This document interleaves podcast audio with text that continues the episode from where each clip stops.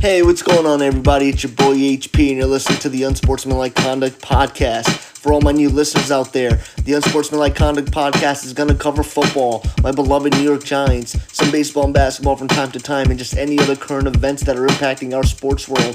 Before I get into the agenda for today's episode, everyone please follow my Instagram page. That's underscore unsportsmanlike underscore conduct. Again, that's underscore unsportsmanlike underscore conduct. Also, if you're listening to this episode, you might as well subscribe. So please make sure you subscribe to whether you're listening to it on YouTube or SoundCloud. Okay, episode four. In last week's episode, in episode three, I put a lot of pressure on David Gettleman to execute in this year's NFL draft. Now we are one week away from the NFL draft, and I'm going to explain why Dave Gettleman is primed to put a competitive product out there sooner rather than later. Trust in Gettleman. Russell Wilson signed a mega four year, $140 million contract. He deserves every single penny of it. Why? Because he is the be all end all for the Seattle Seahawks offense. And Dallas Dallas Cowboys quarterback Dak Prescott is currently in ongoing negotiations with the Dallas Cowboys management on a contract extension. I'm going to explain why he doesn't deserve nearly the money that Russell Wilson does. Welcome back, everyone, to episode four of Unsportsmanlike Conduct. Thanks for tuning in. Uh, you know, let's get this episode started. So, you know, last episode I spent a lot of time talking about why this year's NFL draft is such a big NFL draft for the New York Giants franchise. It's a franchise shifting draft. Uh, this is probably the most important NFL draft for the New York Giants, probably in the last decade or so. And this is probably the most important NFL draft for of Dave Gettleman's entire general manager career. But within putting so much pressure on Dave Gettleman, I think he has a plan and I'm pretty excited to see what he's going to do next weekend on April 25th. Uh, that's when the New York uh, the NFL draft starts. You know, Dave Gettleman has done some pretty pretty strategic moves. I think if a poll came out today asking New York Giants fans on whether they're satisfied with you know some of the moves that Dave Gettleman have made, I think majority of them would say no. But if I were to answer that poll, I would put a big yes. And I want to take a couple of steps back to when he first became the general manager for the New York Giants. Dave Gettleman traded Jason Pierre Paul to the Tampa Bay Buccaneers for a third and a fourth round draft pick. In that year's draft, we ended up having two third round draft picks because of that deal. And it was a smart move because Jason Pierre Paul is a traditional 4 3 defensive end, and we were turning into a 3 4 uh, defensive scheme. Pierre Paul wasn't going to fit that scheme. He wasn't going to be effective in that scheme. So it made sense to trade him and we got two players within that third round that became immediate impact players for the New York Giants. People, you know, people aren't happy with uh, Dave Gettleman. People are confused. I think heading into this NFL draft, people are anxious, nervous, confused, and somewhat excited too, hoping that he he nails these draft picks. And I think he will, because he's slowly rebuilding this team from the ground up. He's done some really, really great things since he's been here, and I know it's hard to it's hard to see that given our, our win loss record, given the product that's on the field. But you just have to be patient. Some of this stuff takes time. Look at the Boston Celtics. I know it's different sports, but I think that, that that's a perfect example. They had the big three, right? They had the Paul Pierce, uh, Kevin Garnett, Ray Allen, uh, right, and then they even had Rajon Rondo. Then when all those players left the team, I'm sure Boston Celtics fans and all the other NBA fans were like, wait, what, what, wait a minute. This team competed for several years and now they're just tearing it apart. But then within a matter of a couple of years, this team not only became competitive, playoff content, playoff contenders, and now this year possibly uh, a team that's potentially going to make it to the uh, to at least the conference finals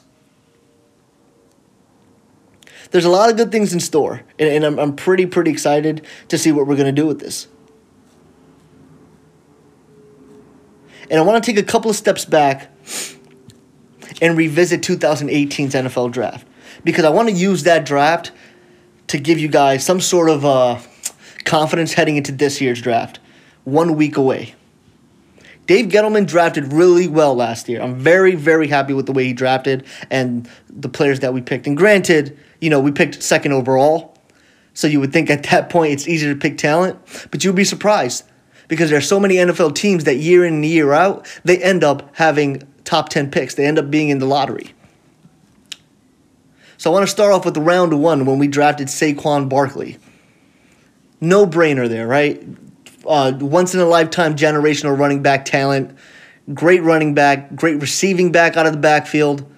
Had a tremendous year 1,300 rushing yards, 91 receptions. When you can, when your running back's a dual threat, what you need in today's game, you know, you take that any day. Saquon Barkley was obviously a great pick. He was he was destined to go uh, within the first five picks, so that was a no brainer. To a lot of teams, that is. But think about it. That was probably the first year where probably a lot of New York Giants fans and the rest of the NFL analysts and all these sports networks thought the New York Giants should take a quarterback. Last year's draft was arguably the best quarterback class that we've had in the last decade or so. Sam Darnold, Josh Rosen, Baker Mayfield, Josh Allen, Lamar Jackson. Those guys were primed. Those guys are still primed to be to be great, great quarterbacks. Some of them have good years. Some of them had good years. Some of them had decent years. Some of them are still working on their game. Right? It's just one year, but they, it was a great quarterback class, including myself. I was one of the Giants fans that thought, why not let why not draft Josh Rosen, have him sit with uh, under Eli for a year or two, then by the time Eli is officially done retiring on his own, that is, not pushing him out of town, but him retiring on his own, Josh Rosen can come in, get the keys to the offense, and he'll be he'll be ready to go. Similar to sort of like that Pat Mahomes and even like that Aaron Rodgers, Brett Favre situation. But the reason why Dave Gettleman drafted Saquon Barkley is because the Giants team wasn't ready to compete yet. Why bring in a quarterback if you know it's going to take a couple of years to rebuild this team to compete. So Gelman decided, you know what, I'm going to take a player that can start day one with number two overall. That's the tricky thing. You don't want to draft a quarterback number two overall and then have him sit for a year or two. And then you find out a couple of years later it's not going to work out with this quarterback. With a quarterback, you don't want to make a big mistake like that, right? You want to be very, very careful. So it made so much sense to pick a all-star premier running back. Saquon Barkley, look, I don't expect Saquon Barkley to repeat 1300 rushing yards and 91 receptions. That's a lot that's hard to do because that's such those are such great stats. It's hard to repeat those numbers. But I think you'll have somewhat of the same uh, of the same year that he had in his rookie year. I imagine him to get between 1000 and 1300 rushing yards and you know what? I won't say he'll have 91 uh, receptions. I, I'll drop that to maybe like 20 to 30 uh, receptions less. He'll definitely have within the 60 to 70 reception range. He may even score more touchdowns, actually, given that we're probably turning into a more run offense first than a pass offense. But Gettleman drafted Saquon Barkley, and it showed how much of an impact a good running game can have on this offense. The first time in a very, very long time. The first time since we had that three headed monster in Brandon Jacobs, Ahmad Bradshaw, and Derrick Ward. And unless you're a New York Giants fan or uh, you know a diehard fan of a team that's in the NFC East, those running backs are forgettable. okay, I'm gonna be honest. But the, there were good enough running backs to be effective at the time because our offensive line was so, so good during that uh, Super Bowl run. That's why we won the Super Bowl that year. Because we were able to push when we had to for the running game, and we were able to protect Eli. And, Gabe, and Dave Gettleman, he, he's, he's sort of following that strategy again. Remember, before the draft, he signed Nate Solder, left tackle who previously played for the New England Patriots, was a stud for the New England Patriots. Patriot fans that was a big question mark for them. They're wondering why the Patriots didn't re sign Nate Solder. So Gettleman comes into this draft, says, I'm going to get a running back, and then to further establish the run game, I'm going to also get a guard. And so we drafted Will Hernandez. Because when you can get interior and um, exterior offensive linemen, you can help the running back either run to the outside, up the sideline, or within the tackles. So it was a great pick. And don't get me wrong, I'm aware. Nate Solder and Will Hernandez, The whole offensive line actually had a rough year, uh, first half of the year last year.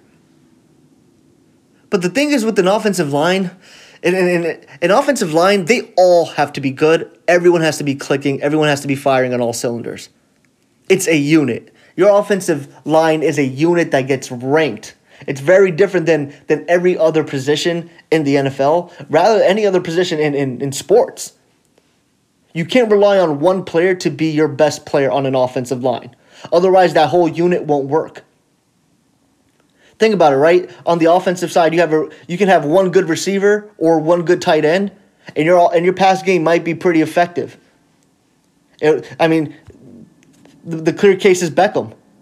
Beckham for a couple of years was our only uh, offensive threat, and he and we made it work. We were driving down the field by by just finding Beckham open. A lot of teams do that. Same thing with the defensive line. You may not have the greatest uh, uh, run stoppers in your interior of the defensive line, but as long as you have edge rushers, your edge rushers can still get to the quarterback and be effective when the when when there's run when there's running plays that are sweep plays or toss plays. But with an offensive line, everyone has to be good. Because then it just won't work. It's easier to scheme, it's easier to attack the weakness of an offensive line. And so once they got going at the second half, after the bye week, this offensive line was doing fine. We were giving up less pressures, especially Nate Solder and Will Hernandez. They gave up way less pressures than they did in the first half of the season. Eli Manning had more time to throw the ball, go through his route progressions. Saquon Barkley, guys, he finished with 1,300 yards. Folks, you cannot finish, you cannot run for 1,300 yards without having a good offensive line. I don't care who you are. You need to have a good, formidable offensive line to do so. So Dave Gettleman said, "I'm going to build this running game because the New York Giants did not have a running game for since the since the last time they won a Super Bowl." So he drafts a premier running back and a stud uh, left guard in consideration that they know they just recently signed a uh, left tackle in Nate Solder. And I mentioned that Jason Pierre Paul trade um, earlier in that offseason where we ended up getting a third round pick. We ended up getting pick 69. The reason why that pick was so important is because we already had pick number 66 in the third round. So we only pick, we, we picked twice, but it was only a couple of picks away from each other. Then with the 66th pick, they ended up drafting Lorenzo Carter, uh, linebacker out of Georgia. I wish they would play Lorenzo Carter more, more, but for the amount of snaps that he had, he was effective. And I'm gonna break it down a little bit more. I did some. Uh, I was looking uh, up some stats a little bit, and so he had 43 tackles for the year, and he had about four sacks last year as well, and four pass deflections. That's pretty good for a rookie linebacker who doesn't play that much. Lorenzo Carter, coming out of college, was a pass rushing linebacker. He's not really considered a all down uh, linebacker, which I disagree with. The reason why linebackers get uh, sort of pigeonholed by becoming, um, you know, just very uh, one dimensional linebackers is because of the schemes and the coaches that that run plays for them in college. How can a linebacker get better if your current NFL team doesn't allow you to get more snaps? Lorenzo Carter is a good linebacker.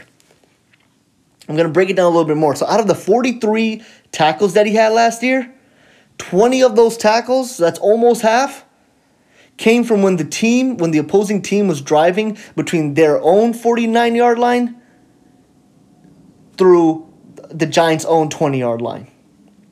Think about it. that's the that's the most important part of the field because that's where you have to get stops. That's where you have to either force that team to kick a field goal or go or or or, or hopefully they go three and out before they reach the Giants 40 yard line, right? So within that time between the 40 between the opposing 49 yard line and the Giants 20, 20 yard line, Lorenzo Carter had half of his tackles.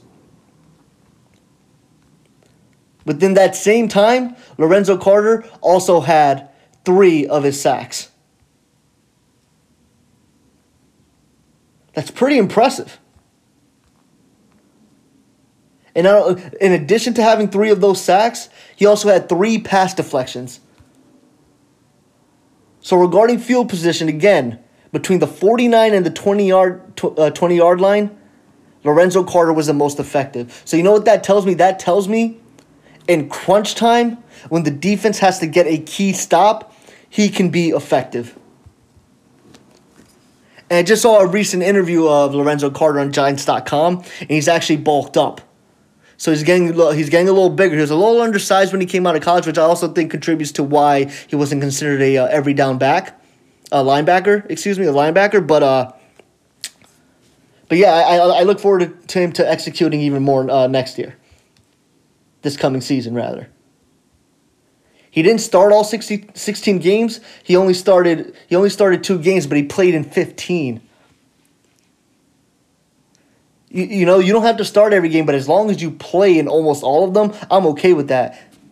And just to be clear, Lorenzo Carter just wasn't playing, you know, because he was a special teams player. No, he was there because James Bettcher wanted him in there. 43 tackles, 4 sacks, 4 pass deflections. That's pretty good, man. That's really, really good. And, and just to and just to like further show that Gettleman is getting players that can make an immediate impact in day one. Obviously, we know Saquon Barkley played all 16 games, started 16 games. Obviously, he was rookie of the year. We know the impact that he had. But Will Hernandez played all 16, started all 16. He's getting guys that you can plug in immediately. That's what he did last year. And so Lorenzo Carter, we got him at uh, pick 66. At pick 69, we get BJ Hill, defensive lineman. He also played all 16 games and started 12, which is very, very important because in the middle of the season, we ended up uh, trading Snacks Harrison away to the Detroit Lions. BJ Hill also had a good rookie year. He had five sacks. BJ Hill was a traditional, I think he came out of NC State. He was a traditional nose tackle, and they moved him to defensive end because of the way the 3 4 uh, defense, uh, defense is uh, structured. And he had five sacks. That is pretty good. So in the third round, he gets one linebacker that gets them four sacks and one defensive lineman that gets them five sacks. And that's why they were so comfortable with trading Olivier Vernon. Because Olivier Vernon at best got you eight sacks a year. So he was like, you know what? Look, I don't want to pay all this money for a for a, uh, defensive end slash outside linebacker that can't get me ten plus sacks guaranteed every year. That's why they were so comfortable with trading him away because they saw we have we're getting some pretty good production from Lorenzo Carter and BJ Hill, these young guys who are cheap as well.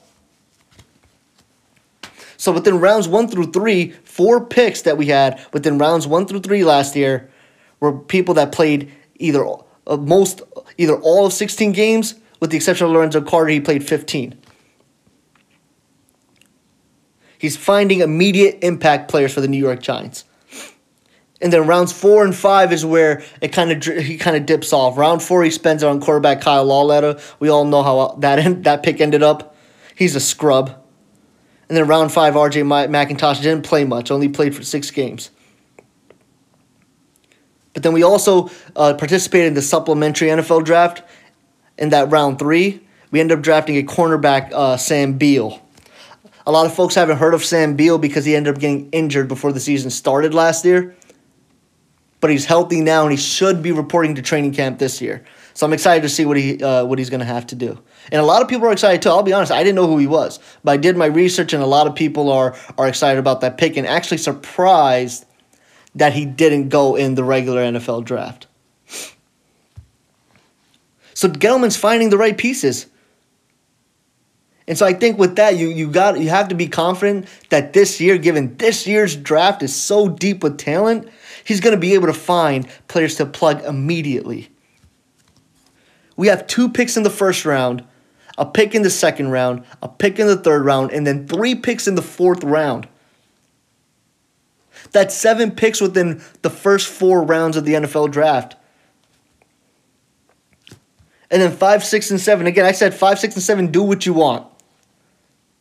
But imagine between five, six, and seven, we find at least one player that ends up being a superstar? Dave Gettleman's going to have a lot of fun this year's in this year's NFL draft. He can mess around in this draft, man. He's going to have tons of fun. And he came out saying that he has a lot of players graded, uh, you know, first, second, third, and fourth round um, uh, picks. He has a lot of people graded in those rounds. So that just gives me a lot of confidence, and I'm excited to see what he's going to do with those picks. He, uh, you know, he's gonna he's gonna use a lot of those picks to rebuild this team. You know, if, if you're gonna use one of those seven picks to get a quarterback, I'm okay with that as long as he doesn't get a quarterback with the sixth overall pick. I just recently re- read that they're interested in Dwayne Haskins. I will flip out if we get Dwayne Haskins with sixth overall. Let's get Montez Sweat. I talked about in my last episode. I think he's one of the more versatile uh, defensive end slash outside linebackers in this draft class. I want him really, really badly. Apparently, he has a uh, a pre-disclosed uh, heart condition that I think teams are shying away from. But that just comes with evaluation. You got to evaluate him, see if he can, you know, see how serious this is. But if you're scared of him, hopefully there are other, you know, other like Qu- uh, Quinnen Williams is available at sixth overall, and he's supposed to be like a, a, Aaron uh, Aaron Donald impact type player. Get a pass rusher. Get a get a premier pass rusher with sixth overall. You know, I, I talked about it for uh, almost since I started this podcast. Please draft AJ Brown with pick number seventeen. But I'm okay with even if they don't decide to do that pick number 17. If you want to go defense again, then do that. Or if you want to draft Daniel Jones at number 17, then I'm okay with that too. Because I realize there's just so much draft capital. In two straight years, Gettleman has built up draft capital to find to put put the put the New York Giants in a situation where they can find players to immediately plug in in year one. Not a lot of teams can say that. So, so guys, I just, folks, New York Giants fans out there, be patient with Dave Gettleman and trust him because I trust him. I'm usually the first one that complains about everything. okay? Trust Gettleman. And to all the New York, uh, the uh, excuse me, to all the New York Giant fans, um, not the fans, to all the New York Giants haters out there, beware of the Giants because we're coming. Okay? We're going to be competitive. Trust me. I believe Gettleman's going to nail this draft, and I can't wait till the NFL draft is over. And then on Saturday and that Saturday and Sunday, I'm spending time analyzing these draft picks. That by Monday morning, you guys can hear what I have to say and how happy I'm going to be about Gettleman's draft picks this year. Just, he's done some great things. Trading Beckham is a was a great trade because you don't need star receivers to win championships. You don't need star receivers to win championships. You don't need to pay big money contracts to receivers. You need all around teams. You need a rebuild from the ground up. You start with your defensive line, you start with your offensive line. Right? You, you, you restructure the secondary. I think our strongest uh, our strongest uh, position right now on our defense is our linebackers. And this is probably the first time in, in several years where linebacker is not a key position that we need. And you want to know why? Because Gettleman came in and he addressed linebacker as well. So not only did he address the offensive line of the run game, he came in and he got Lorenzo Carter as our linebacker in the NFL draft last year. He also traded for Alec Ogletree, who had a tremendous year for the New York Giants. Then he signed Kareem Martin, the outside linebacker from the Arizona Cardinals who's a pretty good linebacker too. And then we, we currently have BJ Goodson, but BJ Goodson was probably our only good linebacker when Gettleman came on as GM. So he, he addressed three clear weaknesses within what? A year and a half? He's only been through one full draft. So within a year and a half, he's, he's addressed three key weaknesses. He rebuilt this offensive line through the draft and uh, free agency. He's rebuilt he's rebuilt our run game as a result of rebuilding the offensive line, and he's built a solidified linebacking corps. And it will be interesting to see where Gettleman will actually pick a quarterback now. Because earlier this week, Russell Wilson signed a mega contract extension, four years, $140 million. Russell Wilson deserves every single penny of that contract. Russell Wilson is arguably a top 10 actually no, it's not arguable. He is a top 10 quarterback. And you know, I, I slight Fox Sports and ESPN a lot. But you know, I do watch them because it is still entertainment at the end of the day. And Skip Bayless said he doesn't think Russell Wilson is a top 10 quarterback and he thinks Dak Prescott is better than Russell Wilson. That's freaking ludicrous. Russell Wilson, year in and year out, is the be all end all of that Seattle Seahawks offense, is the reason why people like to see that Seattle Seahawks offense. Russell Wilson doesn't benefit from an offensive line the way Dak Prescott does. He doesn't benefit from a solid premier running game the way Dak Prescott does. Are you kidding me? Russell Wilson consistently is the reason why the Seahawks are competitive. Russell Wilson has always had a major role. He always accounts for more than 50% of that offense's output, whether it's yardage or touchdowns. I can't believe what some of these guys are, are allowed to get away with, with what they say on television. Russell Wilson averages between 25 and 30 touchdowns a game. I mean, a game, a year. 35 to 4,000, 3,500 to 4,000 yards a year.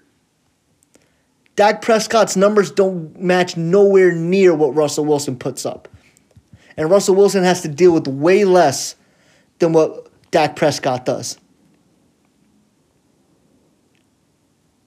It, it, it's just, it's unbelievable.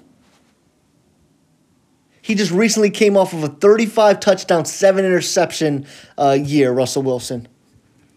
34 and 11 the year prior to that, 21 and 11 the year prior to that. But you know what? He threw for 4,200 yards that year. Russell Wilson is is definitely a top 10 quarterback. He's better than more than half of the quarterbacks that are in this league. We can actually go division by division. That's what I'm going to do. I'm going to go division by division and tell you which quarterbacks Russell Wilson is better than. Let's actually, you know what? Yeah, I'm going to pull up the divisions now. Just want to make sure I have everything in order. All right, let's do this. The NFC East, we'll start with my beloved NFC East. As I mentioned, Russell Wilson is definitely better than Dak Prescott. Dak Prescott has never been given that much responsibilities for his offense. He is not the reason why that Dallas Cowboys offense is as good as it is. It's because of Ezekiel Elliott and that offensive line. I know this past year that offensive line wasn't as great as prior years, but it was still good enough. The Washington, the Washington Redskins. Who the hell is their starting quarterback? Who is it? What is it? Case Keenum. Case Keenum is nowhere near as good as Russell Wilson. Case Keenum had one good year with the Minnesota Vikings, and now he's getting tossed around. Went to the Denver Broncos, lasted one year and now he's on the Washington Redskins. The Broncos rather have a, a beaten up Joe Flacco than Case Keenum. That just goes to show you how, how good uh, the Broncos thought Case Keenum was for them. And Eli, I love you so much. I grew up watching you. I'm watching you now as I mature and as I'm an adult. You are my favorite quarterback in the world because you're a New York Giants quarterback. But I have to admit it, Russell Wilson is better than Eli Manning. Eli Manning isn't nowhere, I wouldn't say nowhere near, but Eli Manning isn't as accurate as Russell Wilson is. And Eli Manning isn't as smart with the ball as Russell Wilson is. You know, we all say Eli Manning has, has a high IQ. Maybe he does. But once that snap is called, he makes some pretty bad decisions. You know, Russell Wilson doesn't average 15, 16, 17 interceptions a year. His cap is usually at 11, 12 interceptions. And the Eagles quarterback, Carson Wentz. This is probably the only quarterback in, in the NFC East that I don't think Russell Wilson is that much better than. Russell Wilson and Carson Wentz, to me, are very, very similar quarterbacks from a style of play standpoint. Carson Wentz is obviously more bigger, than uh, Russell Wilson is. A little more tall is, is definitely more taller than Russell Wilson is, but they play the very same way. They move in in and out of the pocket. When the pocket breaks down, they know how to scramble a little bit. Not necessarily scramble for yardage, but essentially scramble around the line of scrimmage and find the open receiver.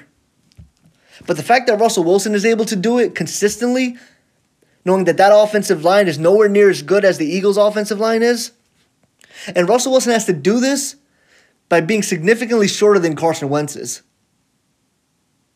which is even more which is even more amazing. But they have they both have very very similar styles of play. So I think that that one's a toss up for me. I won't I won't say Russell Wilson is better than Carson Wentz. I, I would say they're they're about the same. I would say that they're about the same. Then we go to the NFC North, and this division is pretty is is, is decently stacked with quarterbacks.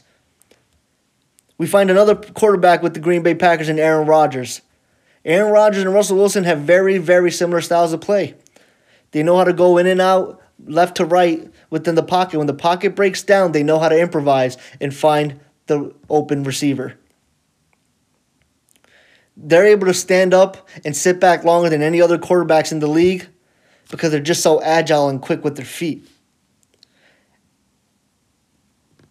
And the reason why I like watching these two quarterbacks is because they know they can scramble, but they know the better play is to just hold on to the ball because they know eventually those DBs can't continue to defend these receivers. It is very hard to follow your receiver for more than three seconds. After three seconds, the, the defensive, the, the secondary breaks down. That's why that's why quarterbacks like Russell Wilson, Aaron Rodgers, even Carson Wentz, they're able to move around the pocket and find that open receiver. So I would say that's a toss up. But Russell Wilson is better than the Minnesota Vikings quarterback Kirk Cousins. Kirk Cousins is what you call Mr. Inconsistency. But nevertheless, Kirk Cousins is a very important piece to the Minnesota Vikings as he was on the Redskins. He's responsible for a lot of their offense. He's if if they don't play well, they can't rely on their run game the way Dak Prescott can. But Russell Wilson is better than Kirk Cousins. Russell Wilson is Wilson is better than Mitch Trubisky. Mitch Trubisky is who you call a classic game manager. And I also think Russell Wilson is better than Matthew Stafford, Detroit Lions. Don't get me wrong, I'm a big Matthew Stafford fan. He's a good quarterback.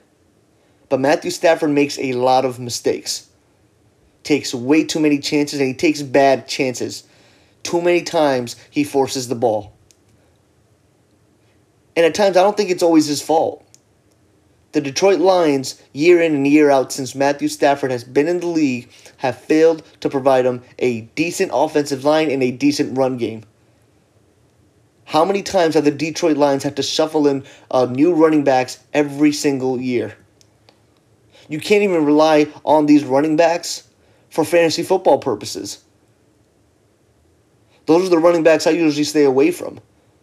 That has always been a pass oriented team and they never gave him the right support from an offensive line and running game standpoint. But again, he takes way too many chances, a lot of boneheaded throws, a lot of throws that are questionable. Russell Wilson is very careful with the football, doesn't make mistakes like Matthew Stafford does. Matthew Stafford has a lot of heat check moments where he's feeling himself. He's driving down, driving the ball down the field. The offense is going and then he just makes the wrong plays.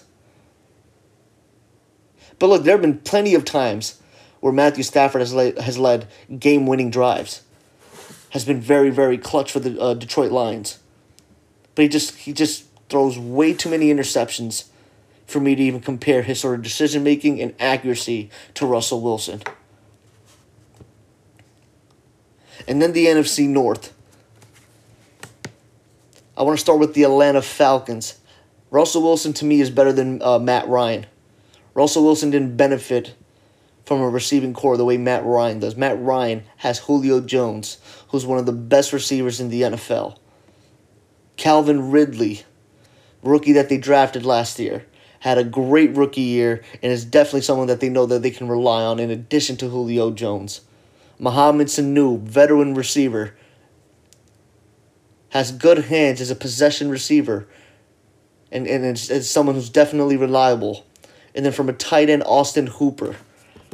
And then Matt Ryan's also uh, had a decent run game. He's had Devonta Freeman, Tevin Coleman. Tevin Coleman's on the 49ers now, and the reason why the Falcons didn't re sign Tevin Coleman is because they have Ito Smith. So the Falcons also have always had pretty good running backs for uh, Matt Ryan. Russell Wilson hasn't. And also, I would say Russell Wilson is more clutch than Matt Ryan is. Matt Ryan is good between quarters one through three. Then in crunch time, I don't always, you know, Matt Ryan isn't always the greatest uh, during crunch crunch time. But Russell Wilson is. Russell Wilson is clutch, man. Always knows how to make the right throws at the right time, makes the right plays at the right time. In game defying moments. The New Orleans Saints, Drew Brees. This is tough for me. You know, Drew Brees is a really, really good quarterback. You know, him, him and Russell Wilson, they just take care of the ball very well, are very, very accurate. They may be, uh, give or take, around the same height as well. So they both sort of face this, you know, similar sort of uh, struggles when it comes to, you know, undersized quarterbacks. But Russell Wilson is more elusive, is a little more crafty and shifty within the uh, line of scrimmage and within the pocket. As the pocket breaks down, he knows how to move in and out of the pocket and find open receivers and be a little, uh, you know, be able to improvise.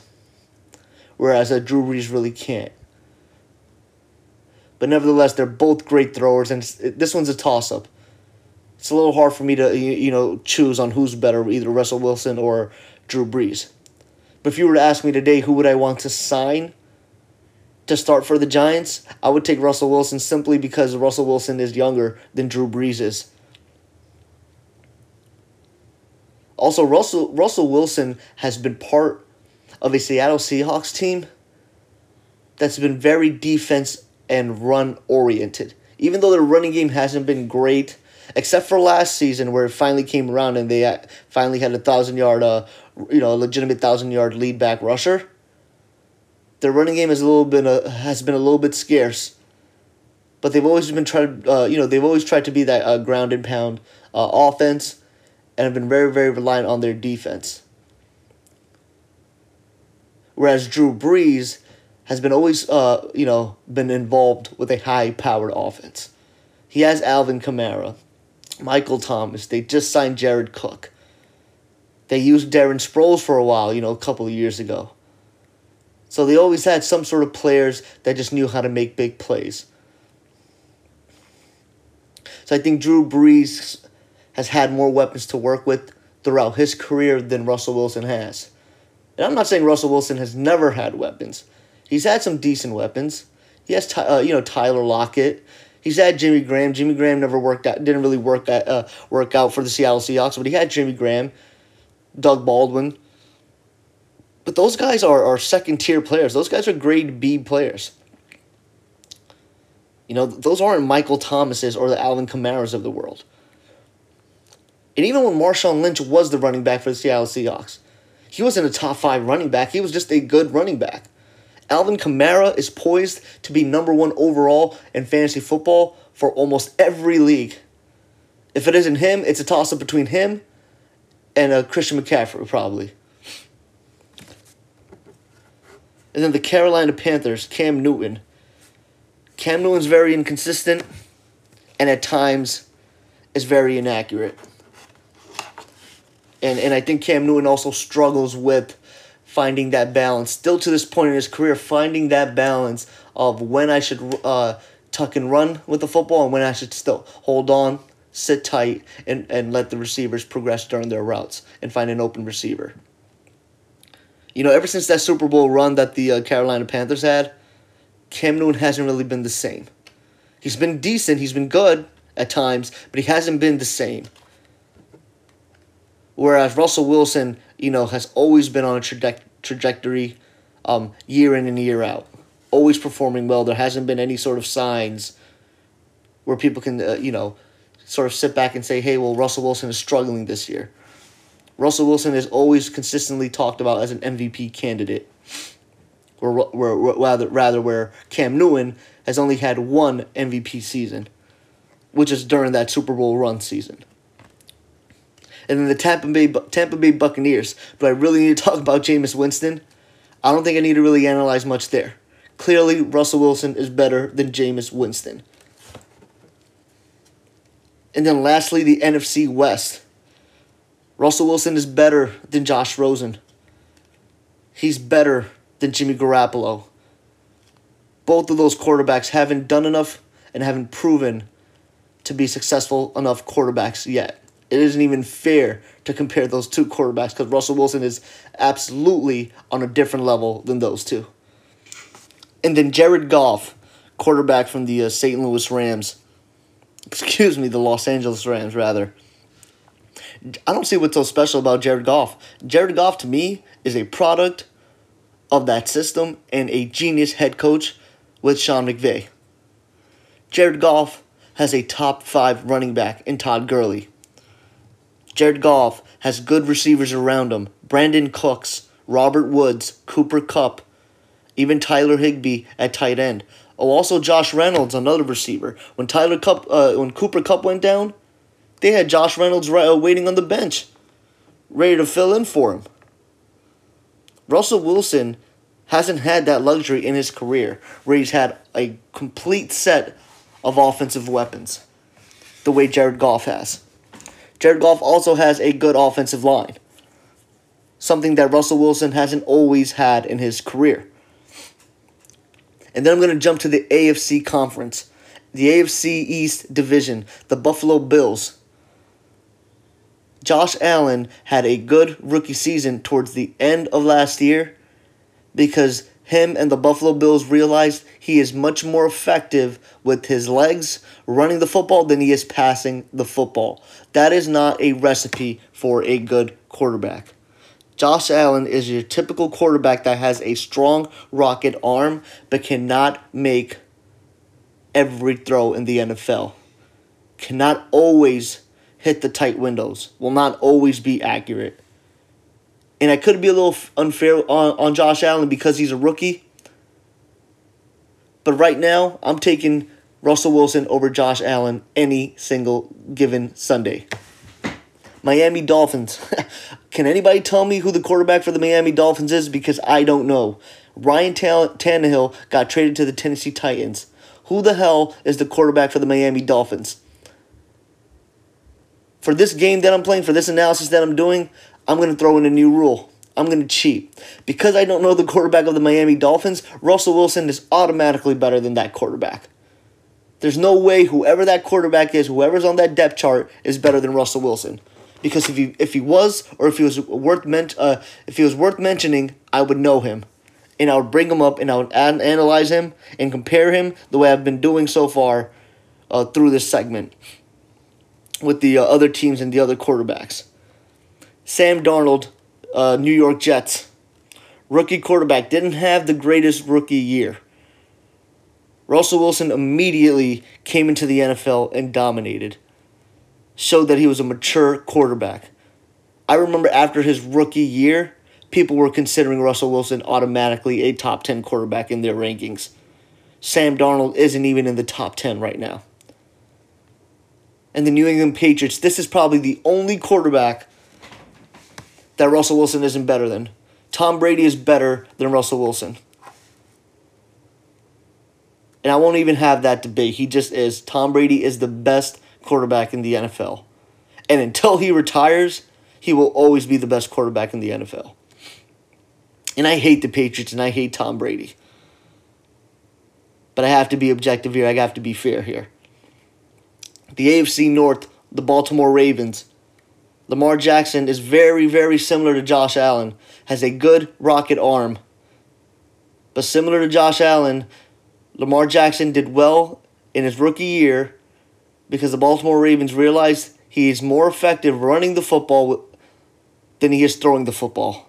And again, that is not a recipe for a good quarterback. I do not want my quarterback to be more effective with his legs than with his arms. Okay? Russell Wilson is good at both, but Russell Wilson doesn't rely on his legs because he's so good throwing the football. The Cincinnati Bengals, Andy Dalton. Russell Wilson is better than Andy Dalton. Too many times is Andy Dalton a no show. Mr. Irrelevant at times, inconsistent. Russell Wilson, literally, again, is the be all end all for that Seattle Seahawks offense and has been for quite some time. There have been even, you know, instances where the Bengals have even thought of not even re signing Andy Dalton. Andy Dalton had to prove himself to get a contract. It was a wait and see moment with that. Not with Russell Wilson. That's why Russell Wilson has gotten a four year, $140 million contract. There's a reason why Russell Wilson is getting paid $35 million a year, and Andy Dalton's getting paid $16 million a year. That's almost double the money because he's just as good. He's literally that much more better than Andy Dalton. He is twice as good as Andy Dalton. Baker Mayfield, Cleveland Browns. A little too soon yet. This could be the one where, you know, Baker Mayfield can continue to put up good stats year year in year out. This might be a good toss up. This might be a good comparison, but it's a little too soon for me to say a rookie quarterback who's had a good offensive line to work with. Look, the Cleveland Browns have a good offensive line. That's why they were comfortable to trade Kevin Zeitler to the New York Giants. Because they're comfortable and they're confident within that unit to still perform without Kevin Zeitler, who is a stud guard. And then Ben Roethlisberger. I think Russell Wilson is better than Ben Roethlisberger.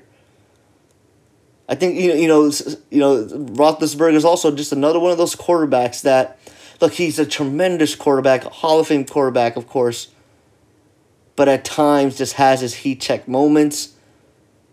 And there's just always been these rumors the last couple of years where Ben Ben Roethlisberger isn't a good leader, isn't always in it. Questions whether he still wants to continue to play.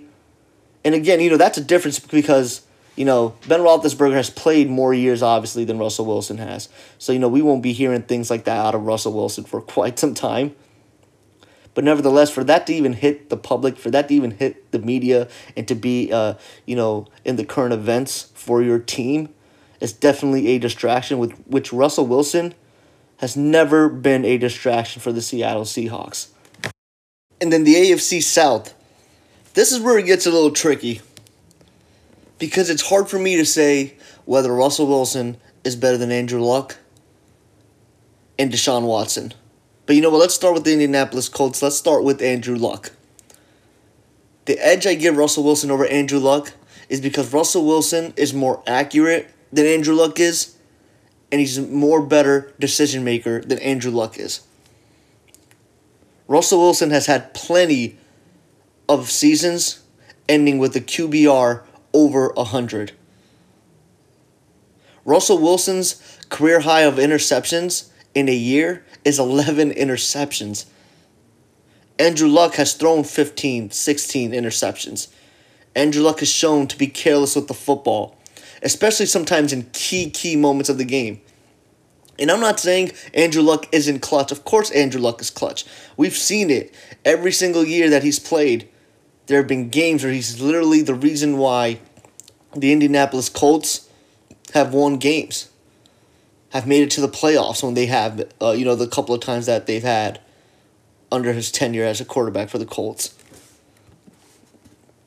But if, you know, if you were to ask me for one game, who am I going to trust to win that game for me? That one big game, I'm going to take Russell Wilson. Russell Wilson is more poised under pressure and can and just always knows the right place to make.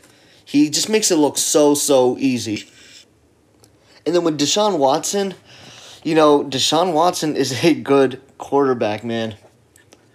You know, to me, he's essentially Russell Wilson, but taller. Deshaun Watson is 6'3, Russell Wilson is 5'11. Deshaun Watson is slowly going to become a top 10 quarterback in the NFL, if not already. You know, very, very, you know, it's very similar to Russell Wilson. Deshaun Watson is responsible, is the be all end all for that offense. He needs to get his receivers the ball. Luckily, he has, you know, a De- DeAndre Hopkins, a, uh, you know, Will Fuller. But his running game always stinks. Lamar Miller has been their quarter, uh, has been their running back over the last couple of years. Lamar Miller isn't a good running back. He's a average running back at best. So for this one, I'm going to consider that a toss up because uh, you know I can't really make the argument that Russell Wilson is that much better than Deshaun Watson. I think they're both equally good quarterbacks. Jacksonville Jaguar Nick Foles. Nick Foles to me is a flash in the pan. I don't think he's as good as a lot of people are making him out to be. I think he's currently overpaid. And just no question, I think Russell Wilson is better than Nick Foles. Russell Wilson is better than Tennessee, both of Tennessee's quarterbacks, Marcus Mariota and Ryan Tannehill. And then to end this portion of the segment, we're going to end with the AFC West. Denver Broncos Joe Flacco. Joe Flacco is literally at the tail end of his career. Not even sure what the Broncos were doing with signing Joe Flacco. Joe Flacco right now is a scrub, is unreliable, and has too many lingering health issues. It's not even comparable. I wouldn't even compare Joe Flacco's best years, his prime years, to Russell Wilson now. And this division has some pretty good quarterbacks as well. Because then we go to the Kansas City Chiefs and Patrick Mahomes. Threw for 50 touchdowns, was an MVP, led a high powered offense. But that's the key word. He led a high powered offense. He had Tyreek Hill, Sammy Watkins, Travis Kelce, Kareem Hunt in that running game. And then when Kareem Hunt got suspended, they had Damien Williams who was a who's tremendous for this Kansas City Chiefs and was one of the main reasons why I won my fantasy football league championship last year. Russell Wilson doesn't benefit, doesn't have those luxuries the way Patrick Mahomes does. I don't think Patrick Mahomes can throw 50 touchdowns. I don't think Patrick Mahomes can throw 40 touchdowns without having that type of offense around him. I think Patrick Mahomes is a good quarterback, and I think he'll continue to be successful, but it'll be very, very interesting this coming season because they won't have Kareem Hunt and they may not have Tyreek Hill for some of their games because Tyreek Hill is currently, uh, you know, is I think under investigation over the uh, child abuse allegations, and he may even get suspended. And I've even read or released. So that is going to be something to watch because if Tyreek Hill, who is probably the best receiver in stretching defenses and stretching the field, if you don't have a guy like that, it is very, very hard to replicate those numbers and to replicate the output that that offense did last year. So I would say Russell Wilson right now is better than Patrick Mahomes. It all goes back to I wonder what Russell Wilson can do if he had the similar tools, the similar toys that Patrick Mahomes has. Philip Rivers. You know, Philip Rivers is a good quarterback too. You know, it's it's it's it, this is where it gets a little tough because this division again has good quarterbacks. Philip Rivers is a good quarterback. But it kind of goes back to the age standpoint. I, I'm doing this analysis to determine who would I want to start for my team today. I would pick Russell Wilson because he's younger. He has five, six, even seven more years left. R- Philip Rivers is 37 years old. Who knows how much years he has left? You know, it almost looked like Philip Rivers may, was was possibly on the decline a little bit. I mean, he was throwing over 4,000 yards a year for what uh, was from 20 pretty much from 2013 and on he was throwing over 4000 yards a year. But he is careless with the football. He's had years where he's thrown 15 interceptions 20 you know 15 again 18 21 russell wilson doesn't throw the ball sporadically like that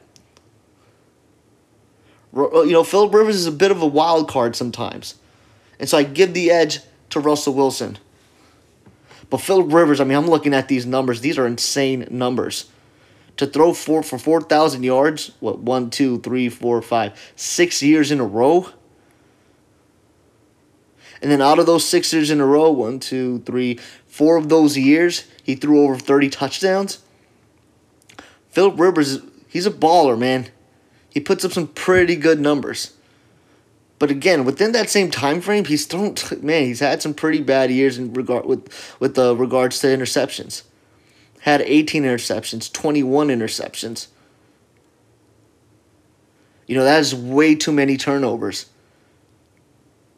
His QBR was 87.9 in 2016, which isn't that great. You know, Russell you know, Russell Wilson is just a model of consistency. You'll never get high turnover rates from Russell Wilson, so I'm going to give that edge over Philip Rivers. And then the Oakland Raiders, Derek Carr. I think Russell Wilson is better than Derek Carr. Russell Wilson is a gamer. I feel like uh, you know at times, even in last year, you know a lot of people questioned Derek Carr's heart, his drive, his motivation.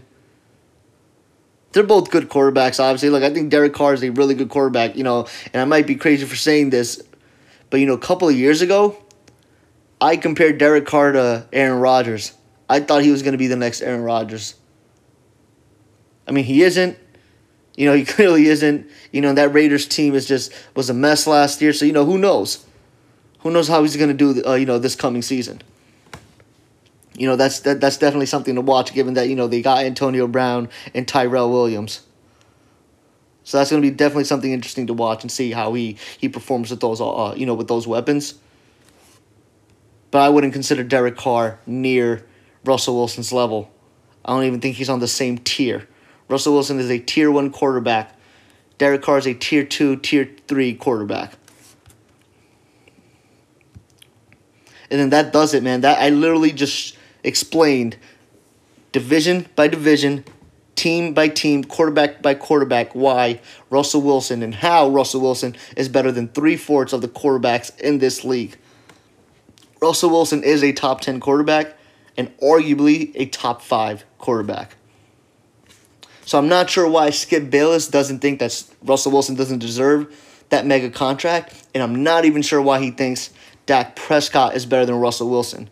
Skip Ba- Skip Bayless said I, he that he would take Dak Prescott over Russell Wilson.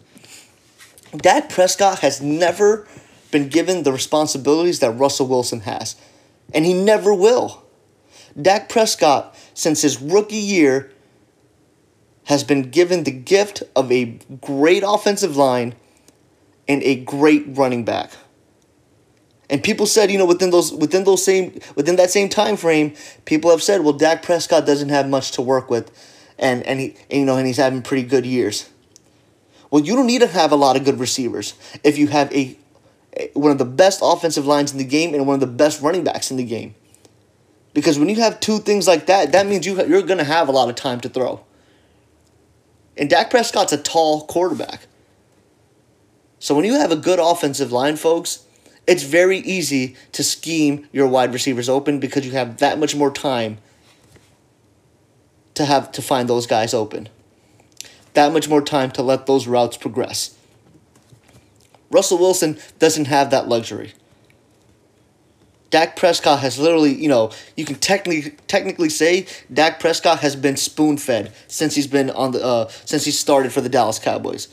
He's had everything ready for him to succeed. Dak Prescott is a decent quarterback, but I don't see, I, I just don't see what the hype of uh, hype from him is all about. I don't get it. I don't think he should be getting paid more than twenty million dollars a year. It'll be very very interesting to see how those contract negotiations will turn out. I wonder what they're disputing about. I wonder what numbers they that Dallas Cowboys ownership believes Dak Prescott should be getting because he certainly does not deserve more than $20 million. You know, Dak Prescott has never been the reason why that offense is as competitive as it is. We've seen Dak Prescott struggle when Zeke was suspended. And then when Zeke's playing and that running game and offensive line is firing on all, on all cylinders, that's when Dak, Dak Prescott has good games.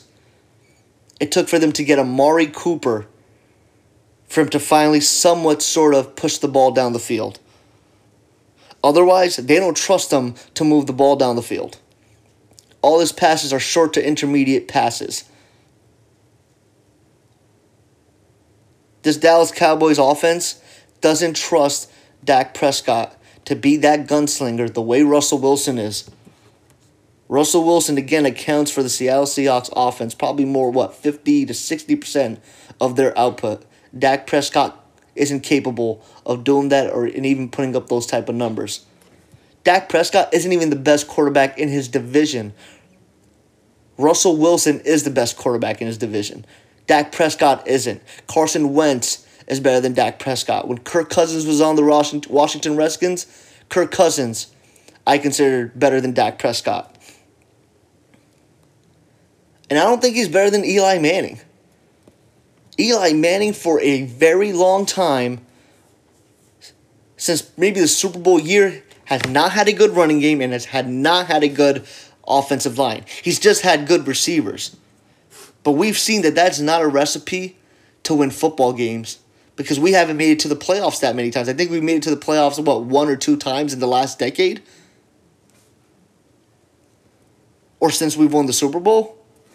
I wish Eli Manning was given that offensive line and Ezekiel Elliott a couple of years ago.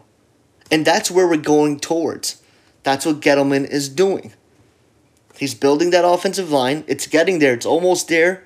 And he gave us Ezekiel Elliott and Saquon Barkley. Saquon Barkley is actually a little better than Zeke is. He's a little more explosive, a little more shiftier, uh, moving around the line of scrimmage and finding those and finding those holes and breaking out of those holes. But you know what? Whatever. You can say that they're actually one A, one B. I'll get into that discussion later because I want to talk about Dak Prescott. He's just not that good of a quarterback. And you know what? I'm actually going to pull up the top uh the you know the top 10 quarterback contracts. And I'm going to see who Dak Prescott should be getting paid more than.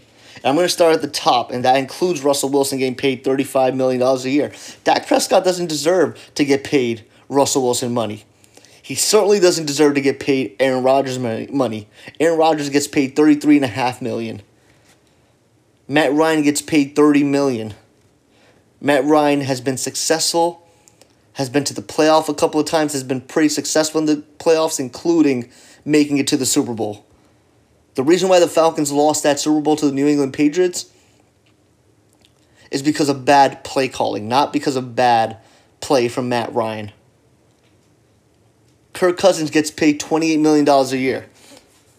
The reason why Kirk Cousins gets paid $28 million a year is because he literally led that Washington Redskins to be a competitive team and into the playoffs. And I know he hasn't had much success in the playoffs when he was with the Redskins, but without Kirk Cousins, that Redskins team was lost, didn't have an identity. They weren't always great as, uh, on defense. Their defense came around last year. Their defense is a stout defense, and it showed last year. The year Kirk Cousins wasn't on that team. They never had the greatest wide receivers. Their best receiving option during Kirk Cousins' tenure there was Jordan Reed, was a tight end. Your tight end shouldn't be your best receiving option. It should be one of your better receiving options, but it shouldn't be your sole receiving option. That's why Kirk Cousins gets paid $28 million a year. Because the Vikings thought he can do even more better things with the amount of weapons that they have with Stefon Diggs, Adam Thielen, Kyle Rudolph, Matt Stafford. Matt Stafford, eh, you know, is in a similar boat like Russell Wilson. Matt Stafford is responsible for making that Lions team, that Lions offense competitive. Think about it, right? The Lions may not always make it to the playoffs, but they're always competitive. They have a fighter's chance every Sunday to win ball games, and that's because of Matthew Stafford. Because again, ever since Matthew Stafford has been on that team, they didn't give him a good offensive line, and they haven't still given him a great running back, a good running back. Imagine Stafford with an offense, offensive line like the Dallas Cowboys and Ezekiel Elliott Derek Carr gets paid 25 million. I don't agree with that. But the reason why Derek Carr got paid 25 million is because who else were the Raiders going to go to for a quarterback? The Raiders did not have a good quarterback for a very, very long time. Then they finally found Carr and they had to throw him that money. So I'm okay with that. Which is going to go to my next point. I can't knock the Dallas Cowboys for paying Dak Prescott big a big contract. Because that's what the market is. The quarterback market right now, folks, there's more demand than there is supply. And as a result of a market like that, you're going to pay more than what you'd like for quarterbacks. You have to keep quarterbacks around. Prescott knows how to win games. But do I think he deserves more than $25 million a year, more than $20 million a year? No, I don't think so. You know, I'll be a little flexible. He should be within the 20 to $25 million range. He should be getting Ben Roethlisberger money, Eli Manning money, Philip Rivers, Cam Newton money. You know, if Nick Foles can get paid $22 million, if Joe Flacco and Alex Smith can get 22 and $23 million, then sure, Dak Prescott can be in that range. But Dak Prescott doesn't deserve to be paid top five money. And I'm looking at this list. The only list I disagree, uh, uh, uh, maybe the player that I dis- really, really disagree with, is Jimmy Garoppolo getting paid $27.5 million. But, you know, I think that was, you know, a, a pressure move. Because I think the 49ers organization, you know, after the whole Kaepernick situation, they really didn't have a quarterback. They didn't know who to go to and Garoppolo showed some really, really good signs on the New England Patriots that uh, you know at the end of that year, heading into that offseason. So it made sense. Garoppolo won games for the Patriots, so it made sense for them, uh, you know, to to give Garoppolo all of that money, to give him that mega contract. But Prescott, to me, I just I really don't see it. You, if you're not the best quarterback in your own division, how do you expect, how does Skip Bayless expect Dak Prescott to be in Russell Wilson's class? Russell Wilson is a Super Bowl champion. Russell Wilson has made it to two Super Bowls.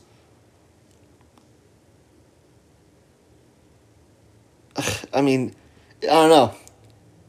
Dak Prescott hasn't even hasn't made to a Super Bowl yet. I don't even know if he ever will.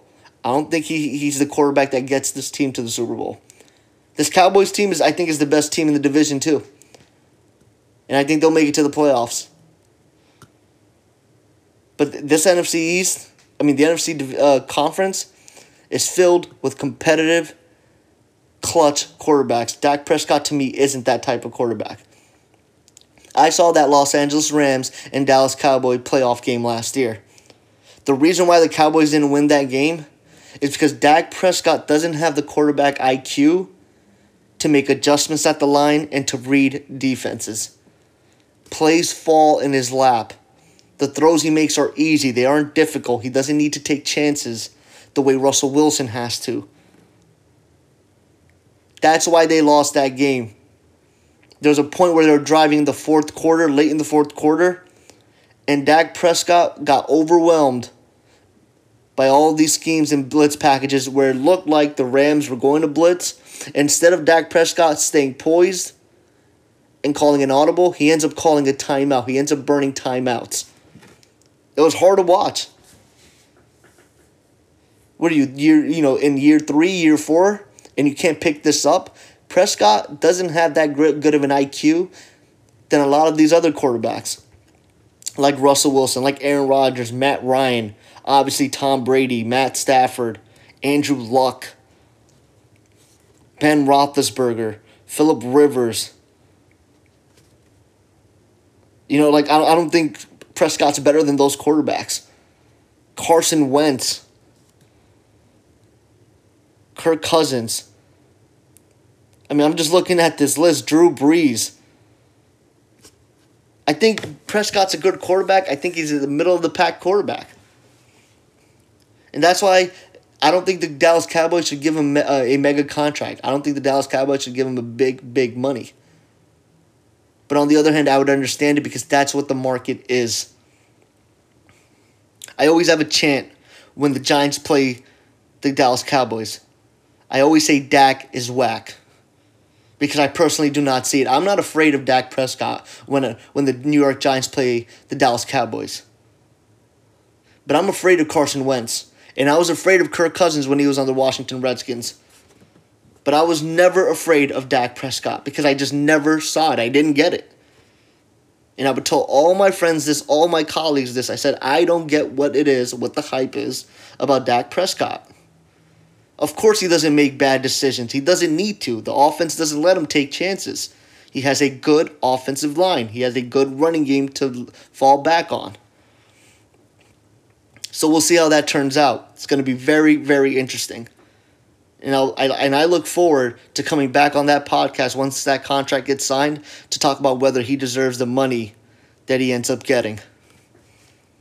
And folks, that's it. Thanks for tuning into episode four. It's always a pleasure. Please follow my Instagram underscore unsportsmanlike underscore conduct. And if you're listening to this, make sure you subscribe. Thanks. Until next time. Peace. The podcast you just heard was made using Anchor.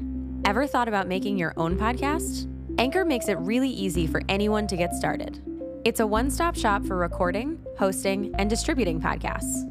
Best of all, it's 100% free. Sign up now at anchor.fm slash new. That's anchor.fm slash new to get started.